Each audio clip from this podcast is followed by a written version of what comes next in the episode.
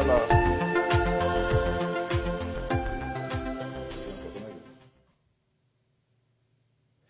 Velkommen til Næringsforeningen TV fredag 27. mars. For en time siden la regjeringen frem nok en økonomisk krisepakke. Tiltakspakken for næringslivet er hovedtema i dagens sending. Vi har med oss Leif Johan Sevland, direktør i ONS her i studio. Leder for LO i Rogaland, Eirin Sund. Direktør i Nav Rogaland, Merete Prytz Hafthorsen. Og sjeføkonom Kyrre Knutsen i Sparebank1 SR-Bank er alle med oss på FaceTime. Men vi begynner med deg, Leif Johan Sevland. Du har fått med deg eh, det nye fra regjeringen. Er pakken god nok? En sånn pakke vil jo aldri være god nok. Eh, fordi vi er underveis i en situasjon som er ekstremt dramatisk for, for landet vårt. Derfor er dette pakke nummer er det tre eller fire. og Derfor kommer det til å komme flere, flere pakker. Mm. Det som er bra med pakken, synes jeg, det er at han tar hensyn til at det er veldig mange som, som sliter nå. Av eh, enkeltbedrifter, av mindre foretak. Vi elsker jo å snakke om gründere i Norge. Uh, og, og, jeg ser det skal komme en pakke senere med penger til gründere i tillegg. Men de som nå, vi nå snakker om, Ostehuset, Hanne og Tom, Palle rett ned på kaien her med, med fiske, fiskeutsalget sitt med, med, med Made by Heart etc. etc. Alle de som starter opp, som driver butikker, frisører, kiropraktorer, fysioterapeuter, som rett og slett trenger penger til å få dette til å gå rundt, de må komme inn, og de må få midlene sine nå. Hvis de ikke er der når krisen er slutt, så får vi det blytungt å komme i gang igjen. Så Sånn sett synes jeg pakkeinnholdet virker fornuftig. Og så blir det helt sikkert de som sier at vi skulle gjort mye mye mer i tillegg, og det vil nok komme òg. Hva mener du, burde det vært enda mer i denne omgang? Nei, Det er ikke sant å si. Uh, dette skjer så fort og det skjer så mye. Og Jeg tror det viktigste nå er at en målretter. Uh, og så tror jeg at en bør bruke litt grann av tid. Uh, det er ikke kjekt å høre for de som virkelig må ha pengene nå, men en må jo målrette tiltakene. Være sikker på at det treffer. Og en del ganger i ikke slike saker, for det har vi ikke hatt før, men i andre typer kriser, så har vi hatt en tendens til å bruke pengene veldig fort og veldig mye.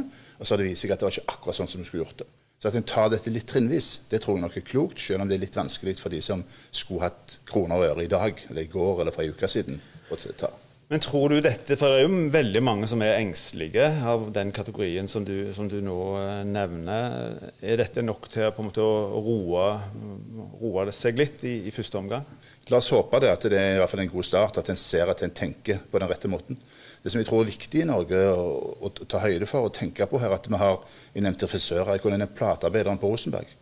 Han har like god, eller Hun har like god behov for trygghet for å vite at det kommer penger på et tidspunkt. At det er muligheter til å betale regningene, som Petter Stordalen med sitt hotellimperium. Så det at vi nå klarer å gjøre noe som treffer folk flest, tror jeg er ekstremt viktig. Og at vi klarer å være med og si at ok, samfunnet forstår dette. Mm. Og er det for én grunn i verden til at vi skal bruke disse oljepengene, så må det være nå. Eh, og noe av de bør kunne gå med til å få løfte opp samfunnet tilbake til det normale. Og vite at folk ok, det er en sykdom, det er en pandemi som er veldig alvorlig. Men det økonomiske det må vi i hvert fall i fellesskap gjøre det vi kan for å klare å ta oss av. Hadde du, eller Bør vi forvente, for vi har jo òg en oljepris som har falt dramatisk, og som får store konsekvenser for, eh, for mange av bedriftene i denne regionen. Eh, forventer du på et eller annet tidspunkt at det òg kommer egne tiltakspakker for olje- og gassnæring f.eks.? Det må det gjøre. Eh, og det vil være Faren vår nå det er jo at eh, altså, det er oppmerksomhet på én ting som skjer i samfunnet vårt, som er ekstremt alvorlig. Ekstremt alvorlig. Men i tillegg til det så har altså oljeprisen av forskjellige grunner falt dramatisk, og det kan godt hende den skal enda mer ned. Vi kommer jo til å se, uansett hva vi har lært av 2014, uansett hva en har forberedt, så kommer vi til å se at det kommer til å skje store endringer. Og de kommer til å treffe ulikt i landet. De kommer i stor grad til å treffe langs kysten. Vi er tilbake til der vi var. Altså Det er offshorearbeidere, det er de på rigger, det er de som uh, bygger, uh, bygger, ting.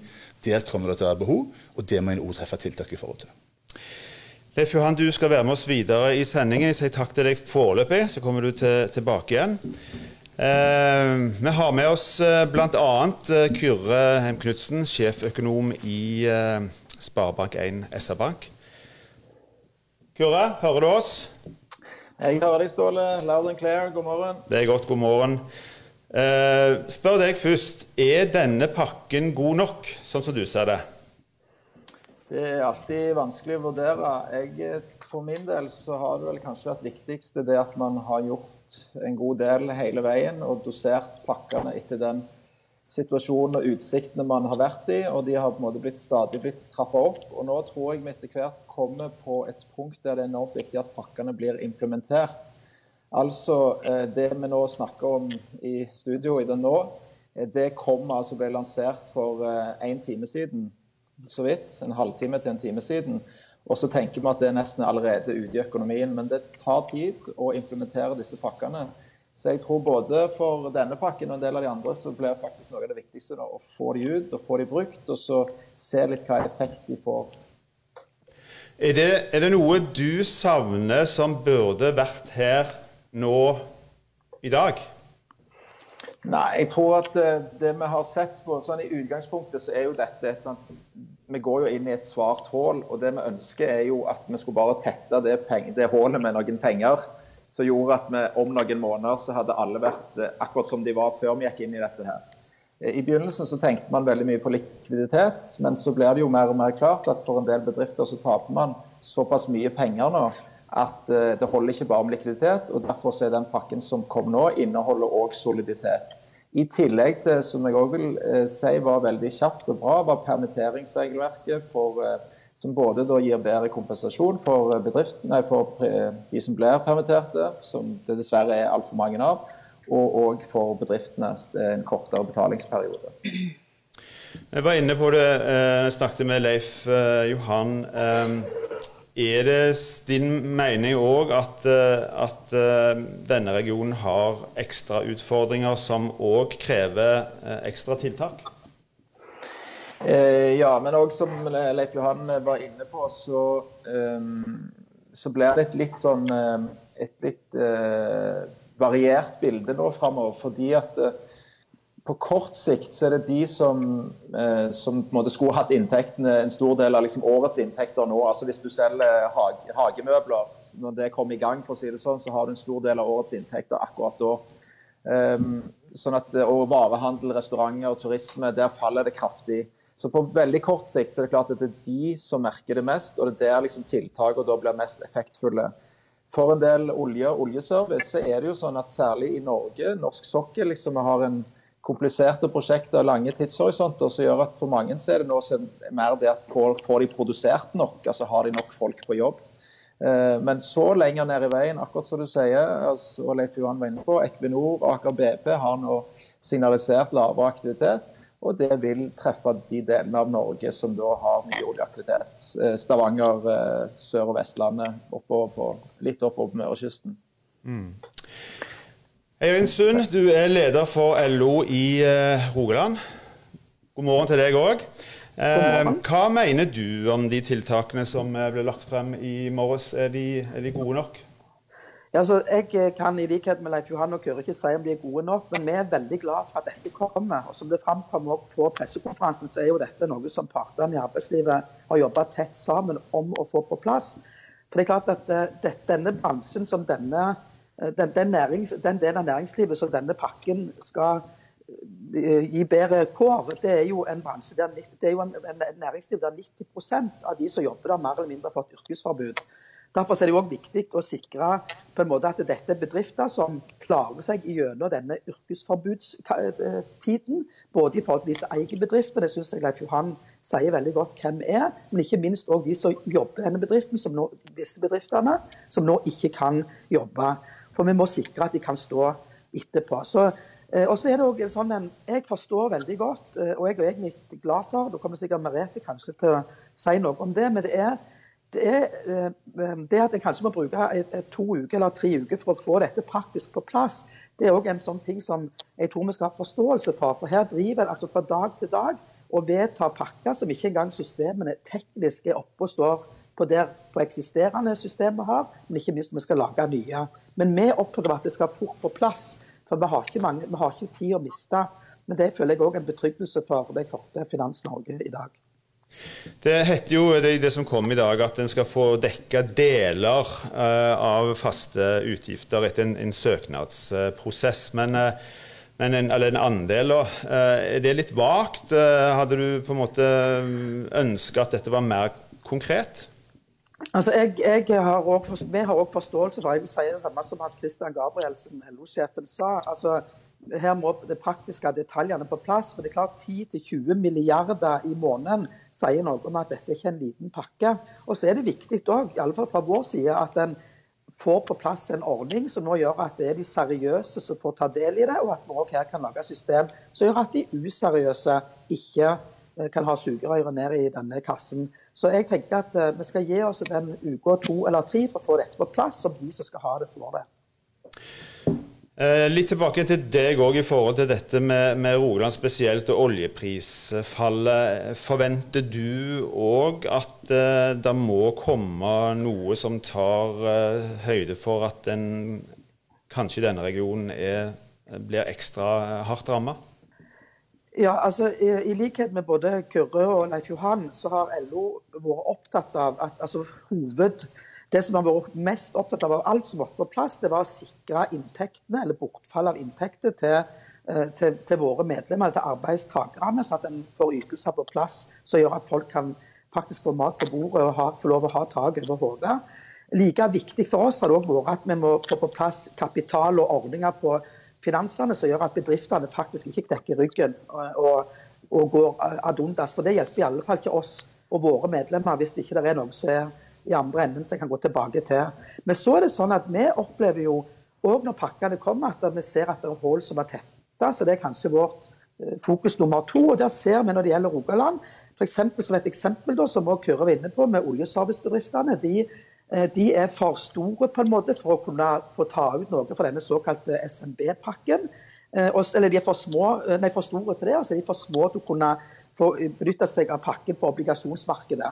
Og det er klart at om ikke det ble tetta det hullet i sist pakke, så er det noe som må tettes, og sett opp imot eh, oljeprisen, som òg en òg merker på. Ikke, ikke bare i Rogaland, men på Vestlandet spesielt. Og Vi så jo i går, da var det vel STS, tror jeg, som har nå permittert 400, nei, 430 av 620. Så, og Det står altså 22 000 nå eh, som har fått permitteringsvarsel. og det er klart at eh, Da må det et eller annet på plass som òg ivaretar det næringslivet vårt, som òg er retta veldig opp mot petroleumssektoren, som ikke fanges av de pakkene som er lagt nå.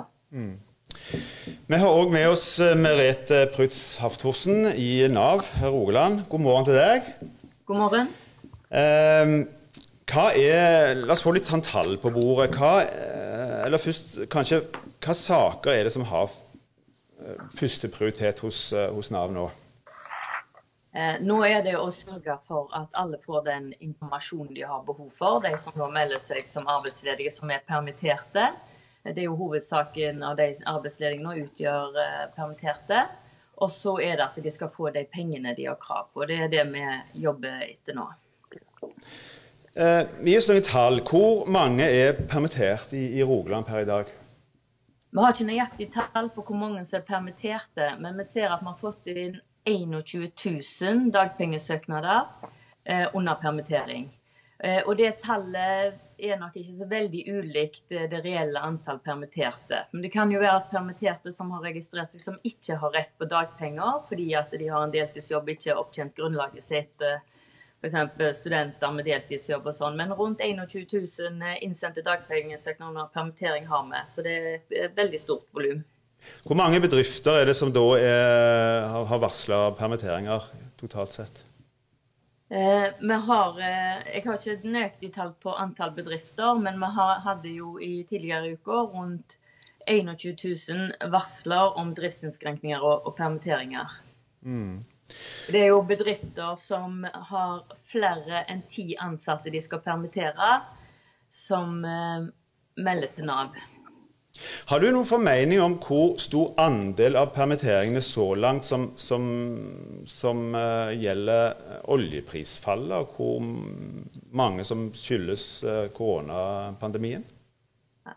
Eh, mitt inntrykk er at de fleste permitteringer nå skyldes uh, koronapandemien. Det er den som har vært som er bakgrunnen for den raske økningen.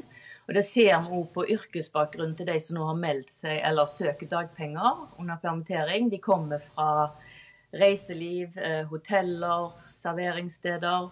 Eh, der er varehandel eh, og personlig tjenesteyting. Det er de som utgjør den største andelen av de som har søkt dagpenger under permittering nå. Så, foreløpig er det de bransjene som har måttet stenge ned eller ikke kan, kan drive sin virksomhet pga. Eh, eh, smittevernhensyn, som nå har permittert.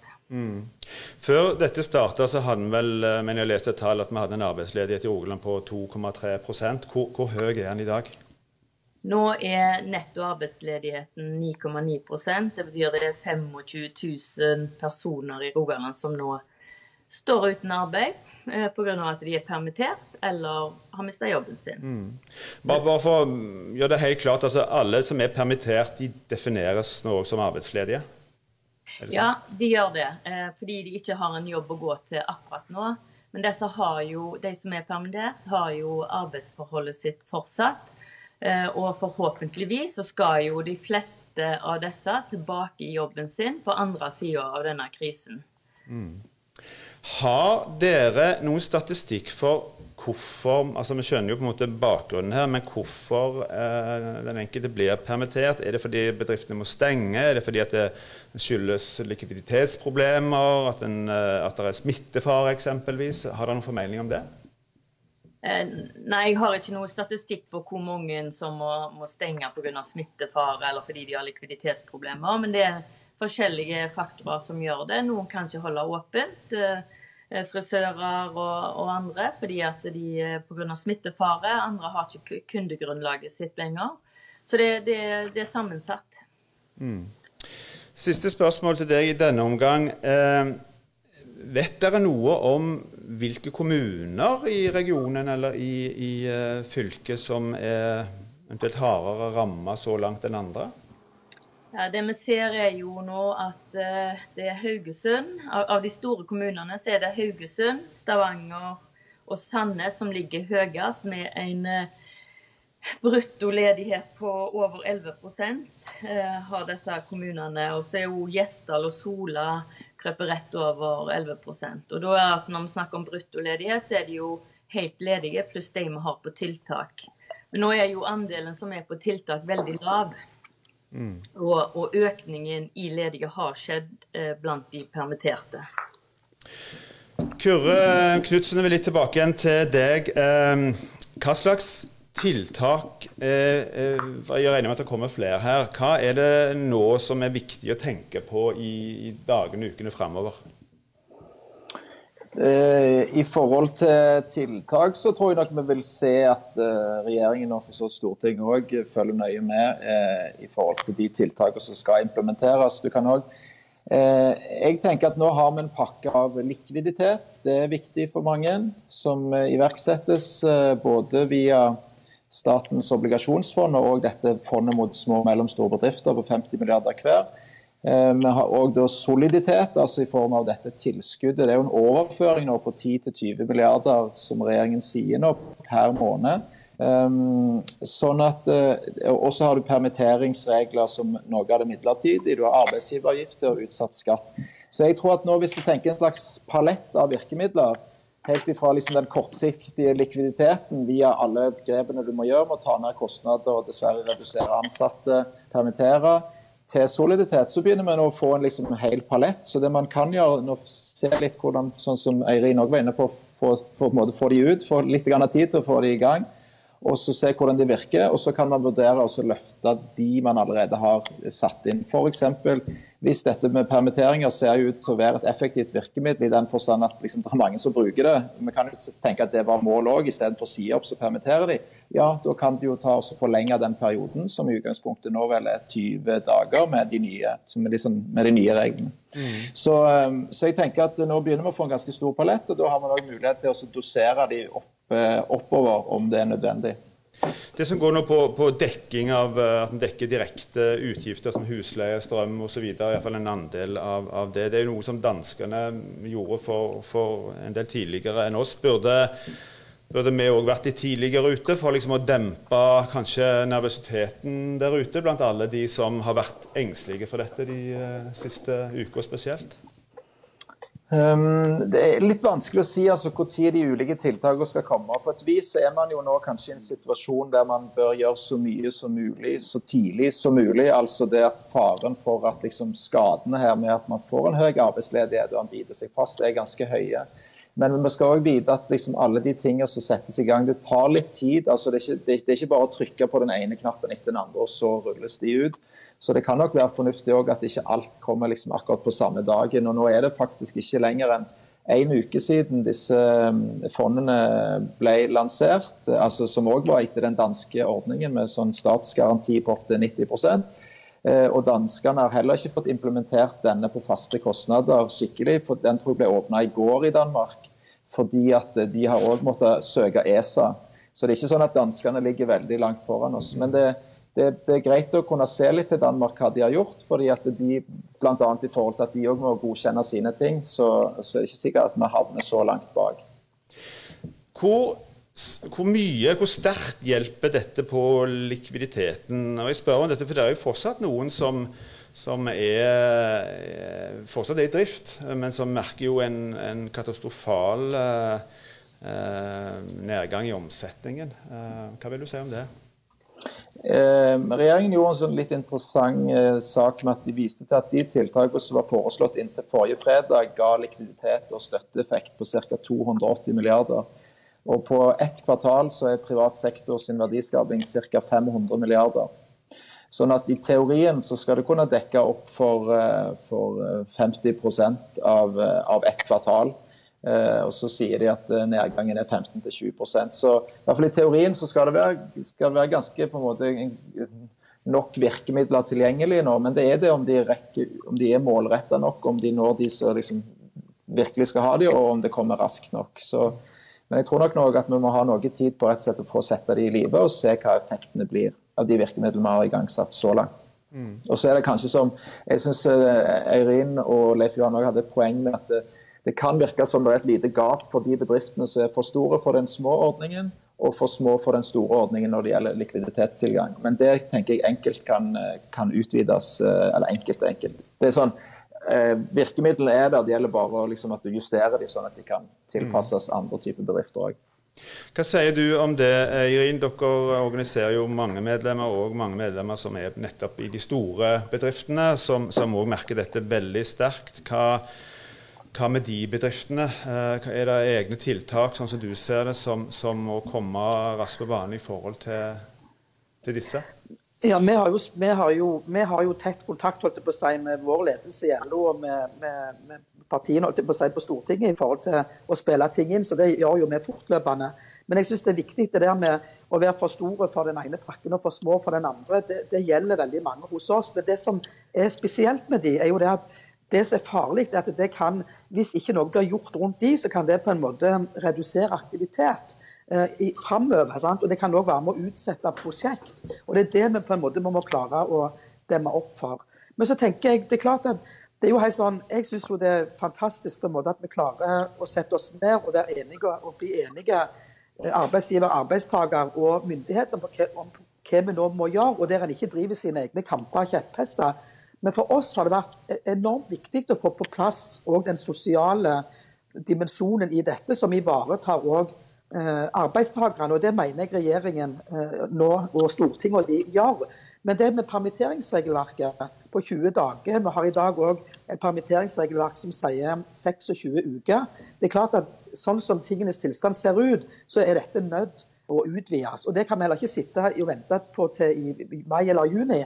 En må ganske kjapt, tror jeg, eh, sikre, for det sikrer ikke bare arbeidstakeren, det sikrer òg bedriften. Hvis jeg f.eks. sier at vi utvider permitteringsregelverket fra 26 til 52 uker, eh, de som 20 dager for de som skal få, kunne få full lønn da, 20 dager er ikke mye i denne situasjonen. Så jeg tenker vi må, vi må ha iallfall helst fem tanker i hodet samtidig og klare å gjøre det som er her og nå, for ytelsene, tette hullene.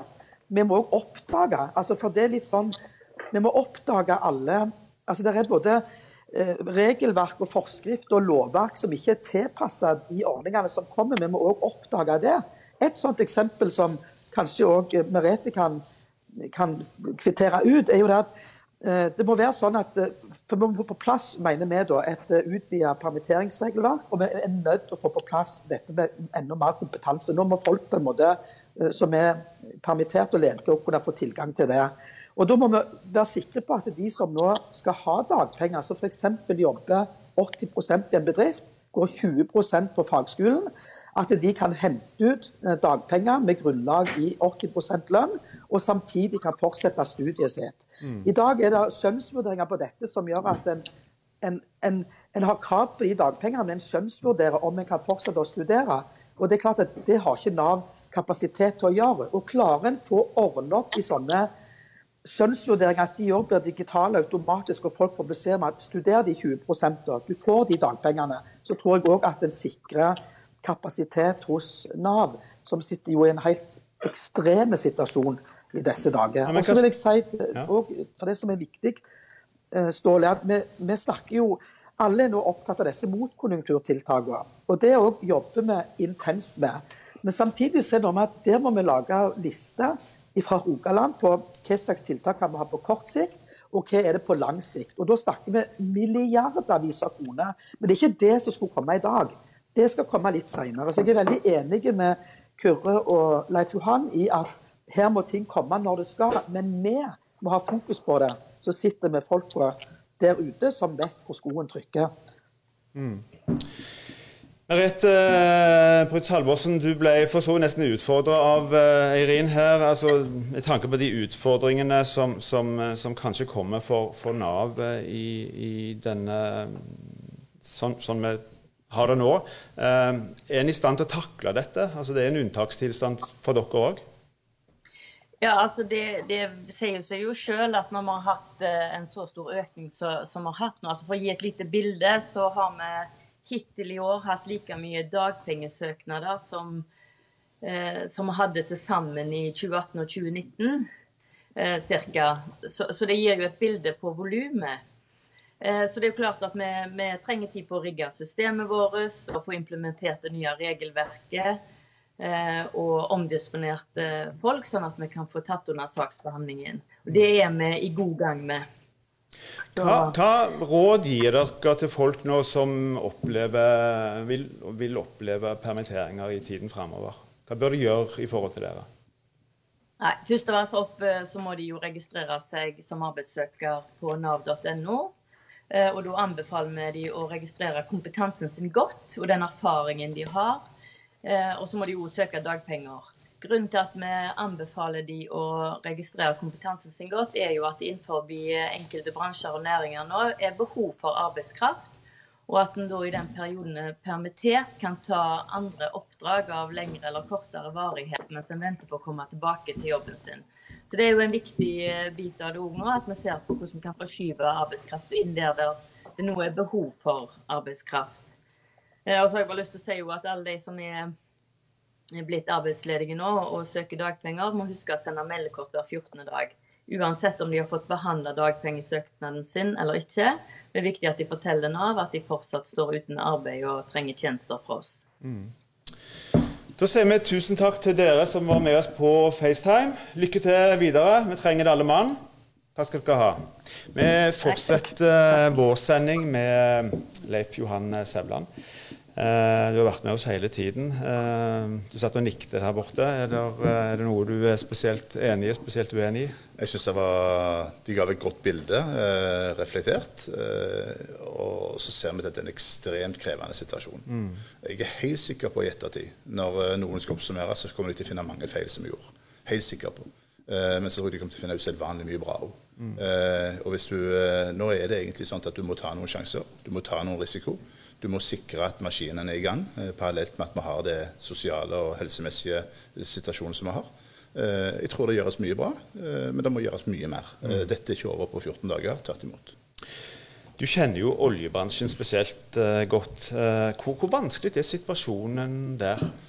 Den er nok Jeg tror ikke det har gått opp for folk flest hvor dramatisk den kan komme til å bli hvis dette fortsetter. Eh, og vi har sett eh, selskaper i Norge som har eh, måttet ha gjort store reduksjoner. Vi ser det jo over hele verden for, for øyeblikket. Mm. det er jo selvfølgelig de som håper på at det finnes en løsning. At noen bruker vet og ikke produserer seg inn i nærmest uendelige lager som aldri vil ta slutt.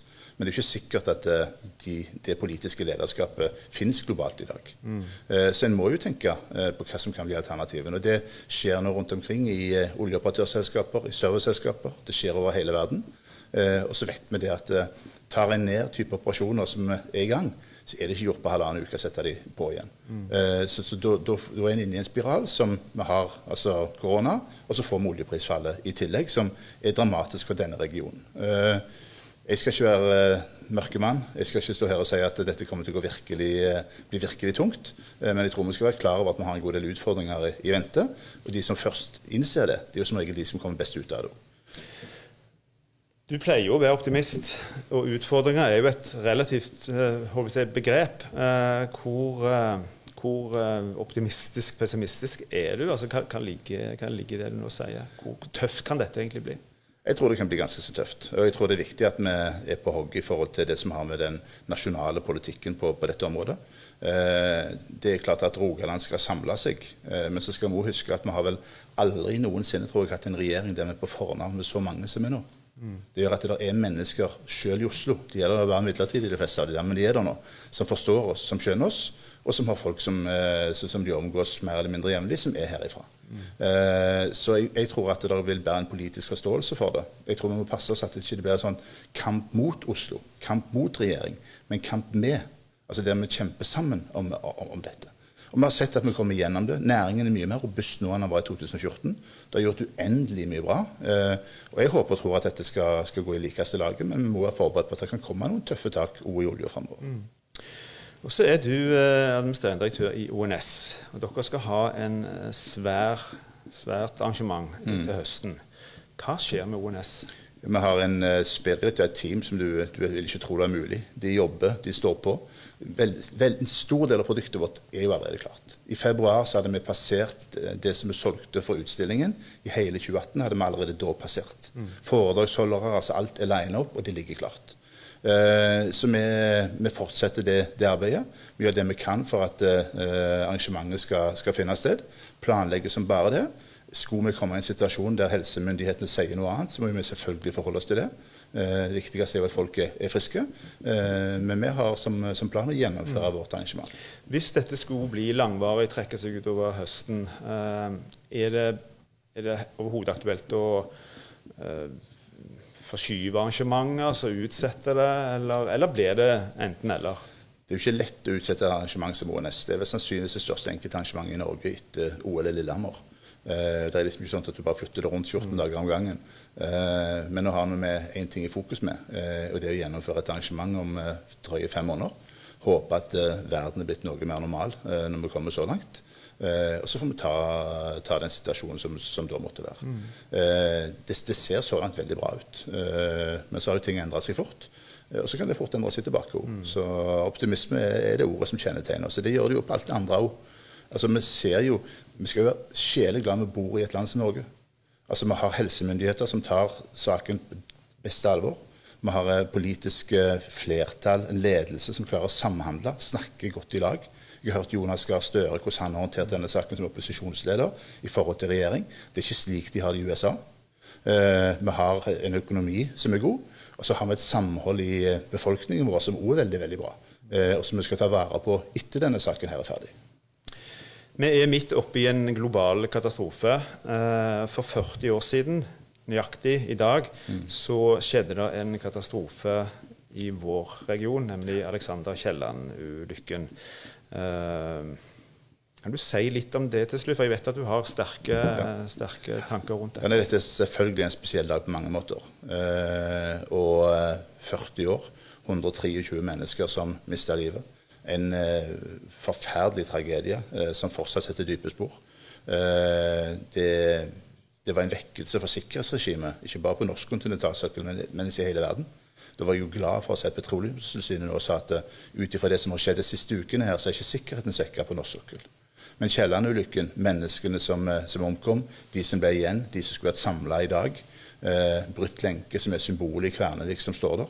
Eh, jeg tror nok at når vi legger turene våre ut i friluft om ikke så veldig lenge, så bør vi ta en ekstra tur ut der og så bør vi stoppe litt. Og så bør vi tenke litt på de som mista livet, og hedre dem for, for, det de gjorde. Eh, en forferdelig tragedie som, eh, som vi ikke må glemme i den situasjonen vi nå er i. En god oppfordring fra deg, Leif Johan Sævland, til slutt. Tusen takk for at du kom til oss. Tusen takk. Denne sendingen er slutt. Takk for at du så på oss. Vi er tilbake igjen eh, på mandag. I mellomtiden, ta vare på hverandre, og husk å holde avstand.